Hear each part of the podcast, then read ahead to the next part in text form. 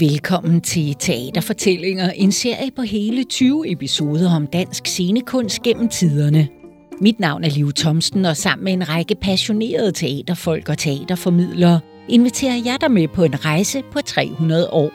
Fra teateret blev en selvstændig national kunstart for folket, og man begyndte at spille på dansk, til i dag, hvor tusindvis af teaterfolk dag ud og dag ind bruger alle deres vågne timer på at holde teateret i live. I denne episode handler det om Ludvig Holberg, der for præcis 300 år siden stod bag det første teater, der var spillet og skrevet på dansk. Men hvordan skal vi spille ham i dag? Hvordan holder vi ham i live? Vi byder indenfor og lader tæppet gå. Jeg hedder Søren Sætter Lassen. Jeg er skuespiller og har haft en del at gøre med Holberg. Ikke mindst fordi, øh, på grund af, at vi i sin tid var nogle mennesker, som startede øh, Grøngårdsteateret. Jeg hedder Christian Steffensen, og jeg er skuespiller, i scenesætter, sanger, lidt med mere. Og øh, Søren og jeg, vi gik jo på skuespillerskolen sammen på samme hold i Odense, øh, og øh, jeg har også spillet en hel del Holberg, øh, ja, for det meste i Grønnegården på Grønnegårdsteateret. Så det er der, jeg har min Holberg-erfaring. Kan I huske, hvornår I støtte på Holberg første gang? I, Altså, jeg må indrømme, jeg har ikke sådan haft noget særligt med Holberg, eller forhold til Holberg, før vi som andenårselever på Udstaters skuespillerskole fik Preben Nergård som lærer. Fordi, øh, jo, ja, måske har jeg læst noget Holberg, øh, og har synes, at det var fuldstændig umuligt at, at forstå. Altså, det var svært. Holbergs replikker er jo svære. Øh, og, men der fik vi altså så et meget, meget, meget, vil jeg sige, øh, jeg vil ikke sige brutalt, men en meget øh, styret indblik i, hvad Holberg er for en forfatter via Premiergård. Fordi vi som andenårselever, eller var vi tredjeårselever, Christian? Mm-hmm. Tredje års, ja. Nå, så var vi tredjeårselever. Det er også længe siden. Det var jo i 78 eller sådan noget. Ja, men det skal du ikke tænke på. øh, der øh, lavede vi Henrik og Pernille, blandt andet med Preben som lærer. Og han øsede af en enorm erfaring og nogle meget spændende, en meget spændende indfaldsvinkel til Holberg, som vi måske kan komme tilbage mm-hmm. til. Men altså før den tid vil jeg sige, jeg har ikke sådan haft noget særligt forhold til Holberg, andet end jeg vidste, han sad uden for det kongelige teater. Jeg tænker også, at det har jo været, altså øh, i 70'erne, der har han vel været gammeldags. Han har jo øh, tilhørt den, den gamle reaktionære øh, kulturarv, ikke? Jo, men ja, man blev jo spillet, øh, ja, han blev spillet på det kongelige teater hyppigt i 70'erne stadigvæk. Øh, jeg tror heller ikke, at jeg personligt møder Holberg først, eller før, før jeg øh, støder ind i ham i, i, øh, på, på skuespillerskolen i Odense Teater, da vi får Preben Nergård som lærer.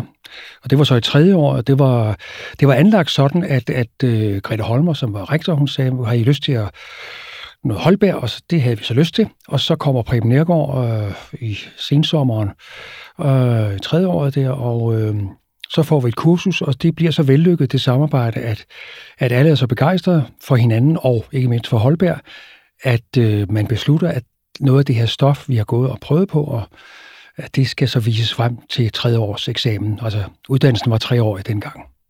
Så det gjorde vi. Måske skulle vi lige, for det kan jo være, at der er enkelte lyttere, der ikke ved, hvem Preben Nergård er. Hvem var han? Altså, Preben var en, en, øh, en skøn skuespiller, øh, og har spillet utallige Henrik-roller. Han var en gadedreng, han var skæg, han var fræk, han var... Og så havde han altså haft, og det nu går vi ind i sådan de teaterhistoriske. Altså. Det skal vi her. Ja, det skal vi nemlig. Han havde haft Holger Gabrielsen som lærer. Og Holger Gabrielsen dør i, ja, vi har jo aldrig set Holger, Holger jeg Gabrielsen. Jeg tror, det er 54. Ja, sådan noget ja. lignende, ikke? Og Holger Gabrielsen var elev af øh, Olaf Poulsen, som var elev af Fister, Og jeg kan huske, Grete Holmer, vores rektor dengang, sagde, ja, når I nu får Preben, så kan I simpelthen, er der en lige linje tilbage til Holbergs egen tid. Og det kan godt være. Der er noget med den der Holberg-tradition, som man jo så taler om, og især lige i øjeblikket. Jeg kan huske, at Henning Nordsen på et tidspunkt sagde til mig, at det, han, en mente faktisk ikke, der var en rigtig Holberg-tradition. Det har været meget forskelligt, hvordan man har grebet ham an.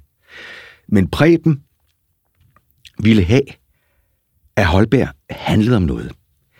Det skulle ikke være sådan nogle små gimmicks og lidt sjovt, og, og en, en historie, som, som, øh, hvor vi alle sammen, jamen det ender jo godt. Nu sagde du selv det der med, at Holberg måske stod i 70'erne for noget reaktionært, og, og der er det, at man tit går helt galt i byen af Holberg.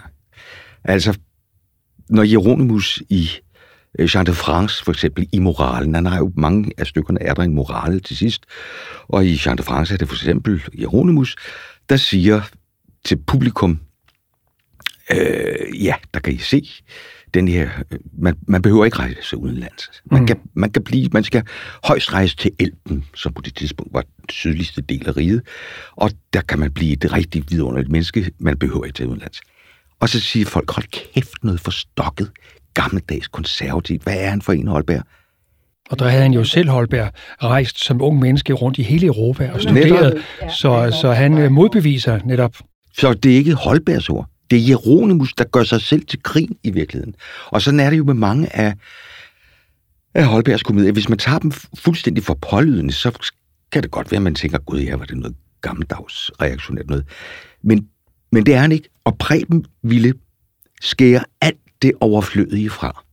Han vil ind til benet.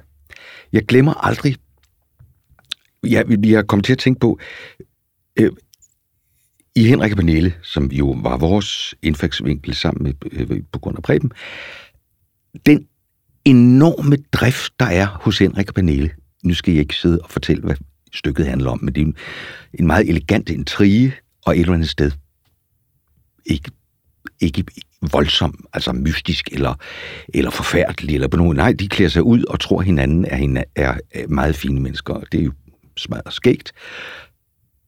Men man skal ind, og det var det Preben lærte os. Vi skal ind til benet. For der er en enorm drift for de to tjener, tjenestefolk, at komme op i det her enorme enevældshierarki.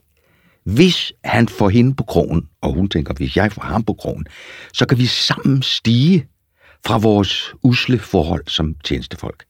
Og hvis man ikke tager det med, hvis ikke man tager, altså, ja, tager det som liv og død, altså, så bliver Holberg måske lidt pjattet og lidt, ja, det er sgu da meget sjovt og sådan noget. Men det ville Preben ikke. Han ville have, at det var liv og død.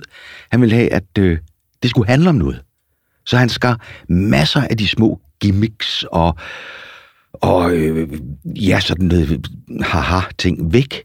Så, og igennem den alvor, så blev det sjovt. Fik I, sad I med teksterne, altså fuldstændig tekstnært, og arbejdede med øh, det skriftlige forlæg, så at sige, sammen med Preben Nergård? Mm, sådan husker jeg det ikke, øh, faktisk, men, men det jeg måske lige vil føje til, det er, at, at den mise en scène, som Preben leverede, øh, den virkede meget stram, øh, men den virkede samtidig også meget rigtig. Altså den virkede naturlig, altså hvor du står og går og kommer ind og ud af scenen, og hvem, hvem kommer hvorfra og så videre, mise en scène.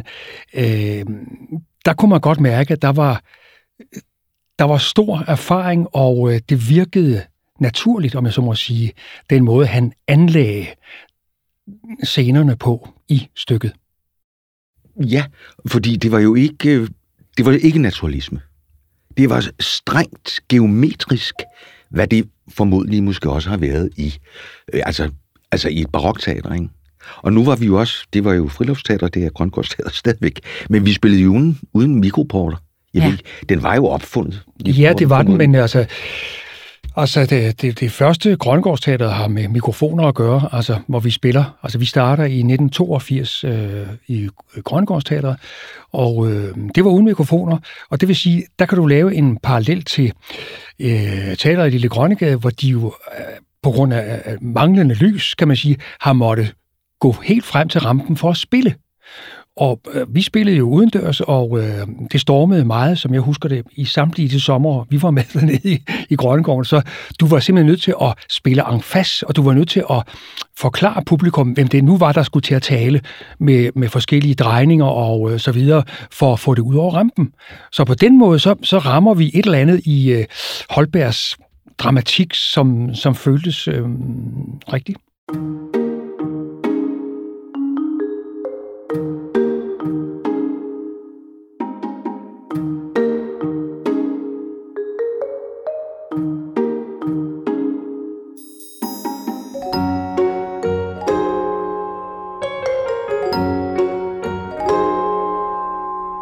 Lad os lige samle op, fordi øh, øh, vi kan lige så godt kaste os over Grønnegårdsteateret nu, fordi der sker det, at I spiller Henrik og Pernille på teaterskolen, og øh, ud af det vokser en idé om at øh, skabe et Holberg Teater, et udendørs teater, ikke? Øh, som I så gør alle, altså, nærmest allerede, mens I går på skolen, eller i hvert fald... Øh... Begejstringen var i hvert fald meget stor. Ja, øh, og, og det allerførste stykke på Grønnegårds Teater det var Henrik er og Pernille. Henrik og Pernille. Lige præcis, okay. og det var de to ja. første akter, Så det har gjort dybt indtryk på meget. Ja. Meget stort indtryk. Og øh, der sker så det, da vi så øh, ja, etablerer teateret, øh, Søren, og, og Lars Lift og jeg. 82. Det er 82, ja. Så, øh, så opfører vi, og der, var så, der er jo sådan en tredje akt i Henrik og Pernille, som, som vi ikke havde spillet i, til eksamensopgaven med Henrik og Pernille derovre i Odense. Og så kobler vi den på, og så får vi så et par skuespillere ekstra på, som er med til at og så gøre det komplet, ikke? stykket. Så der spiller vi. Og nu spørger jeg bare, Altså, hvorfor der? Hvorfor udendørs? Hvorfor sommer? Ja. Altså, der er der ingen, der går i teateret om sommeren. Nej, men vi synes, der manglede et eller andet. Altså, faktisk var, øh, jeg kan huske, at jeg talte med Birgitte Prise en gang, og øh, hun kunne så fortælle, øh, hvad jeg ikke vidste på det tidspunkt i hvert fald, at det Kongelige Teater havde jo blandt mange andre teater, men øh, spillet friluftsteater øh, i 50'erne op til 50'erne.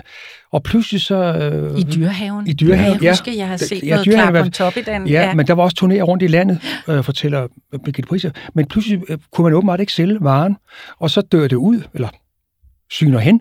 Øh, så der var ikke rigtig noget. Der var nogle vikingespil selvfølgelig rundt omkring i, i Danmark på det tidspunkt. Jeg tror ikke, der var ret meget øh, friluftsteater på det her tidspunkt. Nej, det kongelige teater begynder først efter os, jo, ja, ja, altså, det er rigtigt. at spille i dyrehaven igen, det er rigtigt, jo, ikke? Ja, ja. Men jeg tænker på, hold kæft, må, må de have råbt ude i dyrehaven, altså uden mikrofoner. ja, det har de, altså, altså i 30'erne og 20'erne, ja, ja, hvor de spiller, ja. Ja, ja det må have været. Og, og det var, fordi det var friluftsteater, og så er Grønnegården jo altså også på en eller anden måde intim, selvom der er stort, altså. Ja, ja, ja. Øh, så var det jo sådan, at vi, publikum gik jo en gang imellem ned og skulle have en øl undervejs, og der var ikke den der ærefrygt Nej. omkring, uh, det teater, nu skal vi være stille, og vi må ikke rasle med poser. Det gjorde de jo. Så vi var tvunget til, dels på grund af akustik, fordi vi ikke havde nogen forstærkning, at det var en meget, meget, ja, vi, vi talte med højt ja, derinde. Det var meget kraftfuldt. Ja, så, så i, i den her nye generation af skuespillere gør faktisk det, at I hiver teateret tilbage til, hvordan det har været i 1700-tallet. For der har folk jo råbt og skrejet mm. og øh, drukket og grinet, og nogen har endda siddet op på scenen var I bevidste om, om den tradition? Øh, var det, nej, var, nej, det tror jeg ikke, vi var, men, men vi blev altså via den der øh, Prebens undervisning, og så pludselig står vi nede i, i Grønnegården og skal få det her ud over øh, en lav scene øh, og ud over øh, Grønnegården og få det til at formidle sig. Det, det var, øh, der tror jeg nok, at vi tænkte, hold da op, men øh, ja, det lå sig at gøre. Var han inde at se det, Preben? Det var han desværre ikke, og der Nej. sker det øh, sådan teaterhistorisk, at Preben skulle have instrueret øh, stykket, men han var i, i Aalborg, og pludselig sker der noget deroppe, hvor han er, alligevel ikke kan komme og, og hjælpe os, eller instruere stykket, øh, Henrik og Pernille, og så træder Line Krog til. Ja, og laver det færdigt. Skønne ja. Line Krog, ja. og hun øh, instruerer så øh, stykket. Som jo også havde sans for det der. Ja. Som også havde sans for geometrien, for, for altså enkelheden, skæren ind til benet. Altså, jeg bliver nødt til at nævne, der er en scene i Henrik og Pernille, som jeg ikke selv var med i, fordi jeg kunne kun kigge på det udefra. Men det var øh, Christian og Inge-Sophie Skovbo, der øh, var Lander og Leonora. Der er en fantastisk scene i Henrik og Pernille, hvor de på grund af en trien tror, at hinanden har været en anden utro. De, skal forlå, de er blevet forlovet, de skal giftes, og de er smask forelskede. Så er der en scene, hvor de i fem minutter smider hinandens gaver i hovedet på hinanden. Og det kunne være sådan en lille haha, øh, hvor det, det, det er sjovt. Vi ved jo godt, det ender godt. Men det var det ikke der. Det var to dødforelskede mennesker, som var i, i stor smerte, smed de der ting i hovedet på hinanden. Så blev det, altså samtidig med, at det var liv og død jo ikke? Mm-hmm. så blev det fantastisk sjovt, men også frygteligt tragisk. Og hvis man kun tager det sådan lidt, åh, oh, det er lidt hyggeligt det her, og vi ved jo godt, Falden det på halen. Ja, så forsvinder det. Og så er det, man så tænker, hvad skal vi så med Holberg? Så kan man jo godt finde på alt muligt og putte over det. Men altså, hvis man skal ind til benet, alt, Preben talte så meget om uld og fnuller. Mm. Jeg vil ikke se uld og fnuller. Og det kunne man godt i en naturalistisk øh, tradition godt finde på, måske, at putte på. Det har det sikkert også været. Men det skar han af. Han var ikke pædagog, det må, kan man ikke sige. Altså, jeg var jo faktisk hundeagt for ham, må jeg Men altså, han var voldsom i sin måde at instruere på. Ja, Men han skar det væk, han ind til benet, ikke? Hvad med replikkerne? Fordi jeg har læst i et eller andet interview, øh, jeg kan ikke huske, hvem af jer, der sagde det, at, at det føltes som mursten i starten, de der replikker. Det kan jeg godt huske, jeg har tænkt. Yes. Det må være ja, dig, sagt. Det må du det er mig, der har sagt det. Ja. For de er jo så knudret op i gammelt sprog. Preben var jo ikke inde på, at vi skulle øh, modernisere, modernisere nej, sproget Nydansk. overhovedet. Nej. nej. Han synes, at der er så meget musik i Holbergs replikker. Han, man kan godt stryge og sådan noget, ikke? Men, jo, jo. men vi sagde del med, hvad der stod ja. i, øh, fra Holbergs side. Ja. Og det, det er træning, træning, træning, træning. For at det ikke virker som om, at man gylper mursten op. Altså, er det for, fordi så er der pludselig noget musik i det. Jo, der er det at sige til det, synes jeg, det, det er erfaret vidt, at det, øh, det kan da godt være, at publikum de første fem minutter siger til sig selv, mm, hvordan er det, de snakker, de deroppe. Men i løbet af ganske kort tid, så har man vendet sig. Der vil selvfølgelig være øh, brokker og udtryk, man ikke kender i dag, men altså, hvis vi kan gøre vores arbejde op på scenen rigtigt, så kan man jo godt forstå, hvad det her går ud på. Og det er jo ikke volapyk, øh, det her sprog, på nogen måde. Og så vil jeg sige en ting mere, som, som måske også øh, var lidt interessant, og det er jo ikke, fordi jeg ikke kan lide scenografi eller, eller lyssætninger, for det kan jeg ved Gud. Men, øh, men der var også i det første år, vi lavede Grønnegårdsteater, og de første forestillinger, øh, der var der en scene, og så var der nogle træer, øh, som ikke var vores, det var dem, der stod i Grønnegården, og så var der, noget, så var der nogle bygningsværker, som var fra 1750'erne, fra, altså fra Holbergs egen tid, det var scenografien. Så der var kostymerne, der var skuespillerne, der var Holbergs replikker osv., og så var der et publikum, og så var vi der. Og så, var, så havde vi måske noget båndmusik til at indlede med, det kan jeg ikke huske. Mm. Men i hvert fald, det var, hvad det var. Og det var den helt afskrællede form. Ja, også der var det afskrællet. Ja. ja. Men, men I har jo også haft et vejr Altså, øh, hold da op, hvor, er, hvor gør man sig sårbar, mm. øh, når man vælger at spille ude i det danske sommervejr. Ikke? Ja, altså, rigtigt, øh, men, og øh, hvad, hvad har tankerne været der? Fordi øh, det, altså, lagde I jeres øh, egen investering nej, i det? Gjorde vi nej, ikke. Vi, det vi, gjorde, gjorde, nej, vi gjorde noget, som, som var ikke særlig velset på det her tidspunkt, men det var ikke med til at sikre økonomien totalt, og vi fik også lidt penge fra fra de offentlige kasser, men så gjorde vi noget, som ikke var særlig få på det her tidspunkt. Sponsor. Der var spons- sponsorater indover. Det var sgu ikke velset på det her tidspunkt i 1982. Det var det ikke. Men, men vi spillede, og øh, vi fik det jo ligesom sådan, øh, landmændene har, altså vi stod og kiggede op på skyerne sådan hen på eftermiddagen, og, tænkte, og så ringede vi ud til, til lufthavnen, og hvordan bliver vejret i aften, og det bliver mm, rimeligt der så. Men altså en almindelig dansk sommer, husker jeg, og vi spillede måske have mulighed for at spille den 25-30 gange, det havde vi, plan, havde vi planlagt, øh, så var der højst en 4 til fem aflysninger på en dårlig sommer, værmæssigt dårlig sommer, ikke? Ja, utrolig få i virkeligheden. Ja, egentlig ja. få, og det var meget, altså, så, så kan jeg fortælle på mit landmandsliv åbenbart nu, at øh, det var sådan hen på, på eftermiddagen, så stiller vejret altså af, og så, så, så sætter det sig, og så bliver det sådan set rimeligt vejr. Der var der også nogle aftener, hvor det regnede væk, altså, hvor, hvor vi simpelthen ikke kunne gennemføre. Men altså, publikum tog jo de der regnfrakker på, og hvad de ellers havde, og så vi sidder stadigvæk og venter på, at I spiller, og til sidst så blev det så livsfarligt, at vi ikke kunne, det blev jo en skøjtebane op på scenen. Men uh, det var der i det også, ja.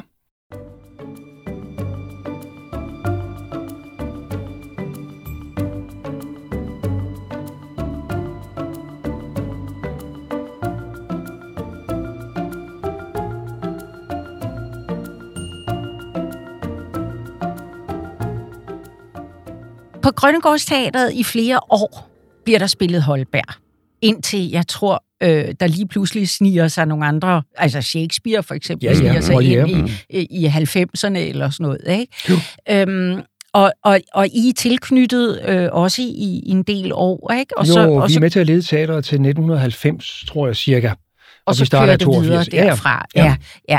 Øh, vi kan jo øh, vi kan tale fremtiden for det senere, øh, men jeg kunne godt tænke mig at prøve at, at sætte Holberg i scene her i 80'erne og 90'erne, fordi han må jo også være blevet spillet på det kongelige.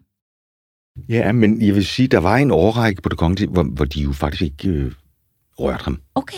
Altså, jeg er over, ret overbevist om, at min tid, tidligste chef derinde øh, i Torup, som var en vidunderlig instruktør, og Claus Hofmeier, som senere end også blev, ikke var, øh, som også var en fantastisk instruktør, ikke var særlig vilde med Holberg. Jeg synes, han var noget, ja, måske lidt gammeldags. Og, og, øh, og det, må man, så, så må du jo sige, ja, Molière, undskyld, jeg siger det, han er jo visse steder jo altså i mange, eller øh, nogle af hans komedier er jo geniale.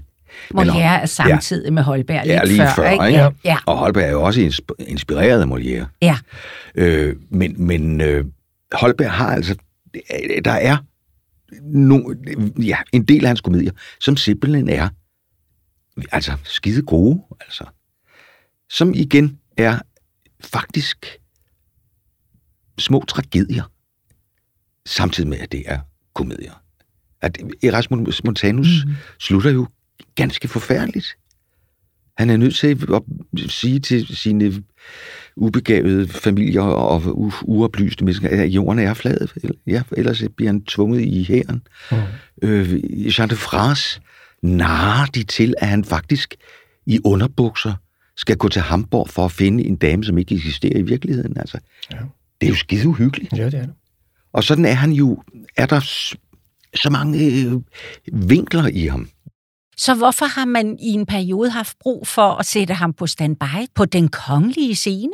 Ja, det var nok også, der, der var, det var jo en brydningstid, ikke? At der Ja. kom nye folk til, og med en ny baggrund og sådan, og, og ja, så det har måske været en, en del af, forklaringen der, at der, Hvad med Ja, Langdal, nu- nu- Peter Langdal? Ja, men han kom jo med... han laver en gen- genistreg, det er Ja, ikke det er Erasmus Ja. Montanus. Fuldstændig Ja, ja. fantastisk. Yes, den kan jeg huske, jeg Ja, har ja, set. ja. Og både teateret laver jo også nogle originale Ja. ja. opsætninger af Holberg. Ja. Ja. Det gør de jo, Så, så, så der er liv i ham her i 80'erne og 90'erne. absolut. Altså man må også, altså ligesom du indledte, Søren, med at sige, at, at uh, han er svær at læse, altså bare læse. Ja. Og, og jeg vil sige, hvis man sidder som første G'er og anden G'er derude i gymnasiet og Ja. siger, læs den tekst, Ja. så er der jo altså, der er meget at tage stilling til, bare rent tekstmæssigt, ikke? Øh, og Godt hvis han, nok kedeligt. hvis han ikke bliver spillet, og det er jo skrevet, det er jo replikker, det er jo skuespil, det er jo komedier til at blive opført. Og det er svært øh, at læse skuespil, faktisk. Det er, det kan være lidt kedeligt indimellem for nogen. For skuespillere er det forhåbentlig ikke, øh, men, men det, det er det jo, så derfor skal det omsættes i billeder også. Øh, så hvis, det, hvis man ikke kan gå ind og se Holberg indimellem, øh, den nye generation, hvis de ikke kan komme ind og blive konfronteret med Holberg på scenen, så, så får Holberg også et problem. Eller han har det måske, det ved jeg ikke, men, men i hvert fald. Mm. Men du var inde på det før, sådan de der temaer, der er tilbagevendende hos Holberg, ikke? Han gør jo grin med, med de dumme, altid. Han, gør, grin- han er antiautoritær, rangsygen, ikke? Angriber han igen og igen, ikke? Ja, og så er han jo så øh, facetteret på en måde, selvom man ikke... Man synes måske, at det virker røvkedeligt, når man sidder og læser det. Men altså, er helten i virkeligheden ham det, ham det går ud over, om jeg så må sige, øh, Jeppe, eller Erasmus, eller Jean, Jean de France. Altså, han er jo på en måde skurken, som bliver straffet. Men han er jo også helten. Og det er det, det, der er så fascinerende, at det er i virkeligheden hans omgivelser, øh, som står uden at vide det, og bliver klædt af til skinnet af Holberg. Ikke? Og det synes jeg er, er spændende. Og så er det, det måden at spille det på, som vi snakkede om før med tradition og sådan noget. Det var jo ikke fordi, at vi ville partout ind og lave sådan noget museumsteater, at vi skulle ind og... Sådan urholberg. Ja, nej, netop. Men vi kunne bare mærke, at den spillestil og, og den som vi snakker om mise en scène, altså hvordan man står og går på scenen, det er ikke tilfældigt. Ikke noget fnuller. Ikke noget. At det er næsten, altså, ja, geometrisk sat op. Øh, klæde den form. Selvfølgelig kan man spille det på mange andre måder. Altså, som du selv nævnte, Peter Langdals Erasmus var jo fantastisk, altså. Men altså, vi gik ind i noget, og det var ikke for at rekonstruere noget, men vi gik ind i noget, hvor vi fandt ud af, at det, som Preben lærte os, præcisionen, ikke noget fnuller, ind til benet, det klæder Glæde Holberg utroligt godt. Mm. Jeg kommer til at tænke på, nu snakker vi om det kongelige teater og Holberg, og en tradition, som måske var ved at forstene sig. Mm. Øhm, vi gjorde så det i de år, vi var med, Søren og jeg, at vi spillede nogle øh, Holberg-komediestykker, som det kongelige teater ikke havde spillet i 80 år eller 100 år. Okay. For eksempel øh, med Lampe, mm-hmm. Jakob von Tybo, øh, Donald Rude. Øh, de fremragende stykker, tænker er det fordi, at de, når vi spiller, når vi spiller Holberg, så spiller vi de der, de faste, og så, øh, men det, det kunne man bare konstatere, at de var sgu ikke spillet siden 1920'erne og 30'erne, nogle af de øh, stykker, jeg lige har nævnt. Og var det, var det, øh, var det, hvordan sker det i grunden? Er det, fordi man ikke har været observant? Har man ikke øh, været interesseret nok i Holberg, faktisk? Det kører bare. Vi spiller de faste. De der 8-10 faste titler. Altså, men Lampe er jo et vidunderligt stykke. Fantastisk stykke. Det er antikrigs... Øh, hvor, hvor, hvor øh, de, de fine i stykket taler på alexandriner. Ja. Øh, kunstige, rejsesfulde mennesker, og alle de andre, de taler i prosa, ikke? Ja. Øh, så ja. det, I siger, det er, at, at, hvad er det, 25 komedier, han har skrevet? Ja, 27 de skriver han altså, til. Det er jo til, Mozart til, ja, det er det. Øh, liga, ikke? Ja, det er det. Øh, og, og, øh, og han skriver dem på så få år og alt mm. det der. Så det, I siger, det er, at i virkeligheden, så er det kun en håndfuld måske, øh, øh, som er blevet spillet igen og igen igennem 300 år. Det, det var vores fornemmelse i hvert fald, ja. når man snakker København, og så lige det kongelige teater. Nu har vi snakket meget om det kongelige teater, men selvfølgelig blev han også spillet rundt omkring og på landsdelsscenerne og sådan, men jeg, jeg tror ikke, man har haft så meget blik for Holbergs øvre i det hele taget. Altså fuld skrue, ikke? Og sige, hvad har de 27, skal vi nu ikke sætte os ned og læse de 27 komedier i sommerferien og se, om der var noget nyt? De der tre eksempler, som jeg gav før, ja, det er jo fremragende stykker. Fremragende, helt altså på linje med de mest kendte. Men han har altså også lavet nogle, som ikke er så fremragende. Ja, ja. Ikke? Jo, jo, bestemt. Ja, ja, det er jo ikke for ja, ja. at tale imod. Nej, men jeg, siger, jeg er fuldstændig med. men, for, for at gå helt konkret til værks, når så I skal spille en Holberg-rolle, Øh, igen har jeg jo læst interviewsøren, og det lyder jo sådan øh, nærmest som om, du bliver et af rollen. Øh, det er i hvert fald en maraton øh, på nogle måder. Ikke? Og kan du måske sådan helt konkret beskrive dit arbejde, for eksempel med en Holberg-rolle? Nu, nu tænker jeg, hvad var den seneste, du spillede? Øh, det har jeg ikke helt præsent. Jeg tror, det var... Det per Dein? Ja, det var det måske. Jeg tror, jeg, efter det... Men det var jo ikke rigtig Holberg. Det var en bearbejdelse af barselsstuen. Per Dein er jo... Nu talte vi for et stykke tid siden om, om Henrik og Pernilles øh, øh, stræben ja. efter at komme op. Og den drivkraft, det er, ikke? Per Dein har jo sit eget lille kongerige i den lille landsby. Og den, for er det ikke kun af Pjat, han har det jo meget lemfældigt med sin snaps, og er vanvittigt dårlig øh, til latin. Og han bliver pludselig udfordret af den her unge Erasmus, der kommer tilbage. Og han bliver ovenikøbet sat til at skulle disputere med ham i alles påsyn. Og han ved, at han har jo tabt. På forhånd ved han, at han har tabt. Og det er jo bare med, og han skal jo blive ved som dig i den by i de næste 20 år. Og så står han bliver klædt af af sådan en lille lort der, der pludselig kommer. Så hvis det ikke betyder det, når man spiller for eksempel Bedegn, ikke? så er, der, så er det bare fis og ballade. Ikke?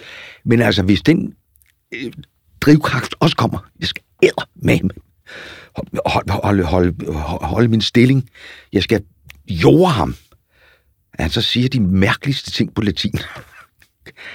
Carius et bactus og sådan noget, ikke? Ja, ja. Øh, øh, det gør så ikke noget, for de forstår ikke, hvad han siger i forvejen. Og det ender med, at han faktisk vinder. Og det er det, der er så grusomt, at sådan en idiot kan vinde over en ung, ganske vist ret arrogant, men det er manden. Erasmus har jo ret for helvede, det han kommer og siger. Jo, ikke? Øh, så det er jo noget med at få, få det ind. Må jeg lige vende tilbage til en, en lille ting, øh, det der med at spille Holberg, og så også noget rent teknisk i at fremføre Holberg, og det, det er sådan meget håndgribeligt, det her eksempel, jeg kommer med, men, men øh, ikke desto mindre. Altså, når du opererer med Holberg, og pludselig, at de henvender sig i monologform til publikum, altså ens egne tanker, skuespilleren, eller den rolle, man spiller, henvender sig til sig selv, men publikum må jo gerne høre det, fordi det er jo dem, vi spiller for, og det er dem, Holberg gerne vil have i tale, så er der jo en helt særlig teknik. Altså, de andre på scenen kan jo ikke høre det. De må jo ikke, de må i hvert fald ikke spille, så de kan høre det.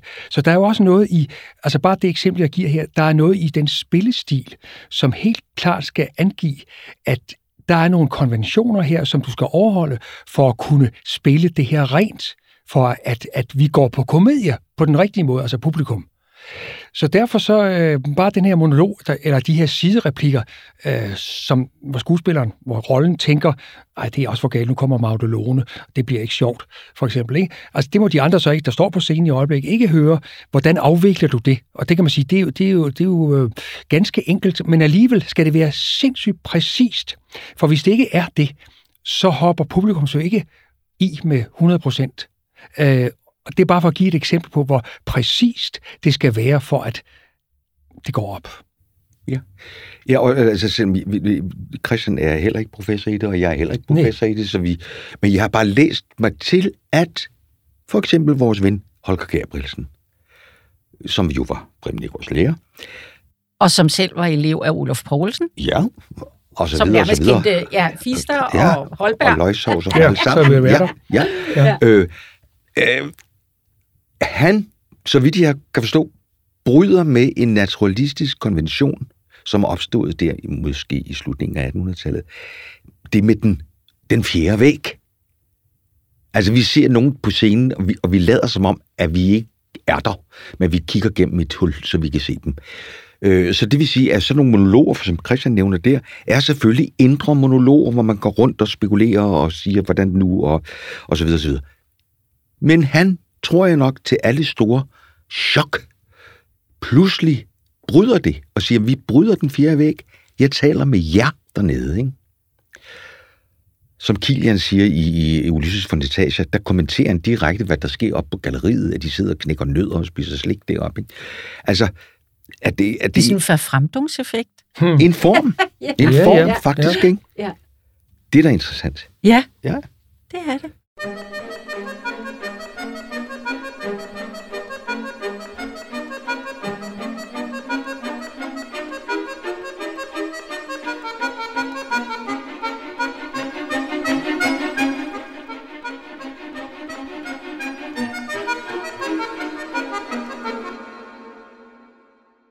Nu har vi talt længe om traditionen og om jeres forhold til Holberg. Øhm, og, og jeg tænker, vi skal have ham på en eller anden måde jo placeret i fremtiden. Hvordan fanden får vi ham videre? Sendt afsted med nye generationer? Øh, for jer er det vigtigt at tage Holberg alvorligt, hører jeg. Øh, at der ikke går for meget tivoli i den, og for meget spas falden på halen. Jeg, jeg mener bare, det kan man da sagtens gøre. Mm. Men jeg synes, det er også interessant at finde frem til en eller anden essens. Man kan jo spille på tusind måder selvfølgelig, ikke? Men de, de, jeg tror, det Preben gjorde op med, det var, at der var kommet for meget fnuller, for meget, sådan at det var svært at nå ind til det skide ben, man skulle ind til, for at få det til at handle om noget. Så det kom til at handle om noget andet, altså noget, der er mere pjat. Og, og jeg ved ikke, jeg talte med Christian på vej om det i bilen, om kan det være, at den der ufarlighed, som der måske er snedet sig ind hos Holberg, og man så kede sig meget over, haft noget med den der mærkelige, hvor det vilde tradition, mm. som opstår i med Heiberg. Hvor det er så nuttet og er ja. så biedermejer, at det, jeg ved det ikke, og jeg er som sagt ikke professor i det her, men altså, at man måske godt har, ja, at det har smittet lidt af på det, så det blev knap så, så farligt. Jeg ved det ikke. Jeg tænker også på, måske, uden at have kendt ham jo overhovedet, Gabrielsen og, og før ham, at, at, at, at de måske også gjorde op med øh, en tradition, en hørm af et eller andet på det kongelige teater, hvor det var blevet sådan lidt manieret, og nu skal du gøre sådan, når man spiller Holberg osv. Pludselig har der været sådan et låg over ham, hvor det, hvor det blev ufrit øh, også. Der har været, hvor man så har sprængt nogle rammer igen. For der jo sker. Men det er jo også, det er, du skal spille i fodsporene på de helt store, ja, ikke? Ja, ja. Altså, det, det jo, er jo, men så sætter det sig pludselig øh, til, som, som noget cement rundt omkring de nye skuespillere. Øh, og, det, det, nogen, og så pludselig, så springer man nogle rammer igen, og fornyer i hvert fald, eller pusser ham af, ikke? Altså, jeg for eksempel hørt af din ven, Fister. Ja, min ven, ja. Han havde i 100 år spillet... Fordi øh, du bor i hans gamle sommerhus, ja, det er jo Christian. Det. Men, men Fister, som jo altså var lærer for Olof Poulsen, og Fister havde en glansrolle i, nu kan jeg ikke huske, hvad han hedder, øh, Erasmus bror, hedder han. Jakob. Jakob, ja. ja. Det var, var en af Fisters glansroller. Så bliver han for gammel til at spille den, og så får Olof Poulsen. Men, og jeg ved ikke, om det er rigtigt det her, der er jeg igen ikke professor, men så vidt jeg kan forstå, så var Olof Poulsen nødt til at spille ligesom Fister. Hmm. Indtil efter en vis årrække, der spillede de Holberg hele tiden ind på det kongeteater, kunne Fister gå hen og sige til Olof Poulsen, min dreng, nu kan du godt emancipere dig. Ja. Det vil sige, gøre rollen til sin egen, for ellers ja. forventede folk, at de skulle se en ny Fister gøre ja. det, ikke? Ja. Så det er klart, Indtil der han har frigjorde sig. Ja, ja. netop. Ja, det er rigtigt. Øh, så der har garanteret været sådan noget, som du ja. kan ende i cement. Jeg kunne godt ønske mig, og det kan også være, at det, det forekommer nu, men efterhånden sådan bliver en ældre herre, men altså, at, at man på i hvert fald skuespillerskolerne, hvis vi skal spille Holberg, hvis man skal spille Holberg fremover, at man gik ind og så virkelig og sige, vi har en klassiker, det er jo ret enestående i grunden, at vi er så lille sprogområde. Det er vores Shakespeare. Det, ikke sandt? At vi ikke øh, føler os mere forpligtet. Øh, og ja, hvad kunne man se? Altså, at man måske virkelig gik i bræschen for Holberg og på, på øh, skuespillerskolerne de kommende par år, hvad ved jeg, eller i hvert fald i løbet af, af uddannelsesforløbet, at man siger, hvad, hvad, hvad kan den nye generation byde ind med? Mm. Med Holberg. Altså yes. prøv nu at se, med, og det behøver ikke at være nogle ældre skuespillere, der kom, men øh, det kunne det måske også godt være, om der kunne komme en dialog. Men hvad ser den nye generation i Holberg? Hva, hvordan har de lyst til at fortolke ham? Kom med nogle bud. Altså på den måde, så øh, kunne det måske være en slags, noget af en slags fremtid for Der har vi jo set øh, Lolkes bud, for det er eksempel. Rigtigt. Ja. Mm. Men jeg ja. tænker også på, på, på skolerne som sådan, altså, ja, at, man, at, ja. man siger, nu, nu giver vi ham noget tid, Holberg, ja. øh, i en vis periode ikke, på skolen. Ja. Eller, ja. men, men altså, det vi har lært, mm. det er jo, at det at spille teater i den grad er et håndværk. Og man skal have nogle redskaber for, altså dels med Alexandriner for eksempel, det skal man jo altså vide, hvordan man gør, for den, at de kan leve. Og det er en bunden opgave, men inden for den bundne opgave er det kæmpestort. Det samme med ikke?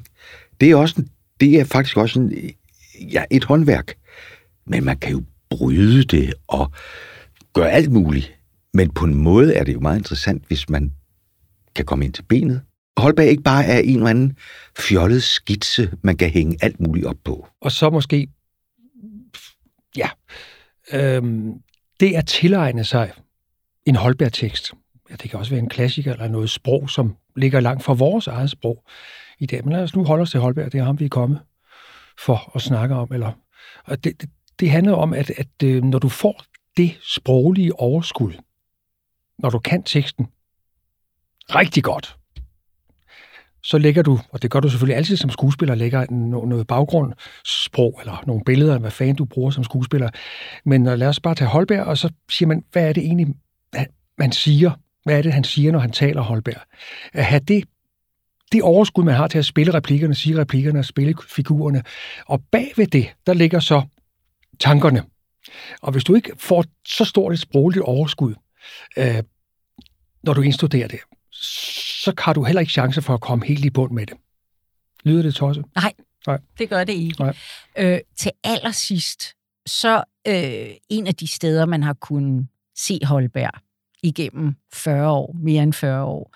Øh, et af de steder, der har holdt liv i Holberg-traditionen, selvom man også tillod sig at lige pludselig at flytte med andre øh, store klassikere. Det er også skønt. Det ja. er jo Grønnegårdsteateret, jeres elskede gamle teater der, som jeg godt ved, I ikke er tilknyttet mere, men øh, hvad tror I fremtiden for det er? Fordi øh, der, der er jo sket noget her de senere år, ikke? Der er... Øh, Grønnegården er væk, så at Desværre, sige. altså det, det, fakta er jo for tiden, at, øh, at øh, uh, Kunstindustrimuseet, Designmuseum Danmark, uh, jo ikke vil huse Grønnegårdsteater længere. Og det må jeg sige, det må vi sige, Søren og jeg, at, at det er jo yderst beklageligt, at, at at dette skønne sted, øh, der bliver teateret øh, sparke ud fra, og, øh, og det er Grøngårdsteater, der spiller andre steder selvfølgelig, og Hjort Fælderpalæet, og det er også en skøn, øh, et skønt sted, en god adresse og alt det der, men, men Grønnegårds, øh, Grønnegården er jo fantastisk,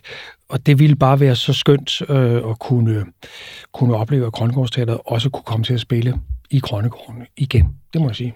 Altså efter 40 år?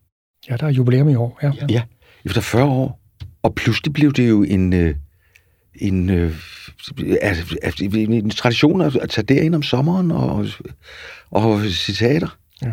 Det, ja, det, det kom det første år, vi spillede derinde, der kom jo ikke milliarder af mennesker. Ja, kom Men altså efterhånden, så var det jo det, det sted, man skulle ind om sommeren og, og se en klassiker.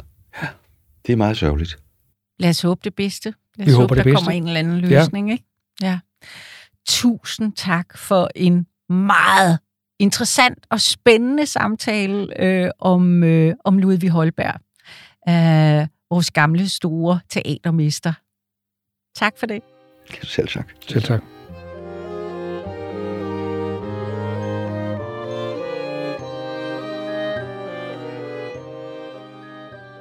Du har lyttet til Teaterfortællinger, en podcast produceret af Historieselskabet for Dansk Teater 300 år. Lyden stod Per Bull Aks for, og musikken er fra Upright Music. Næste gang handler det om dengang i sidste halvdel af 1700-tallet, da danskerne blev ramt af teatergalskaben, og et hav af dramatiske klubber skød op over alt i landet. thank you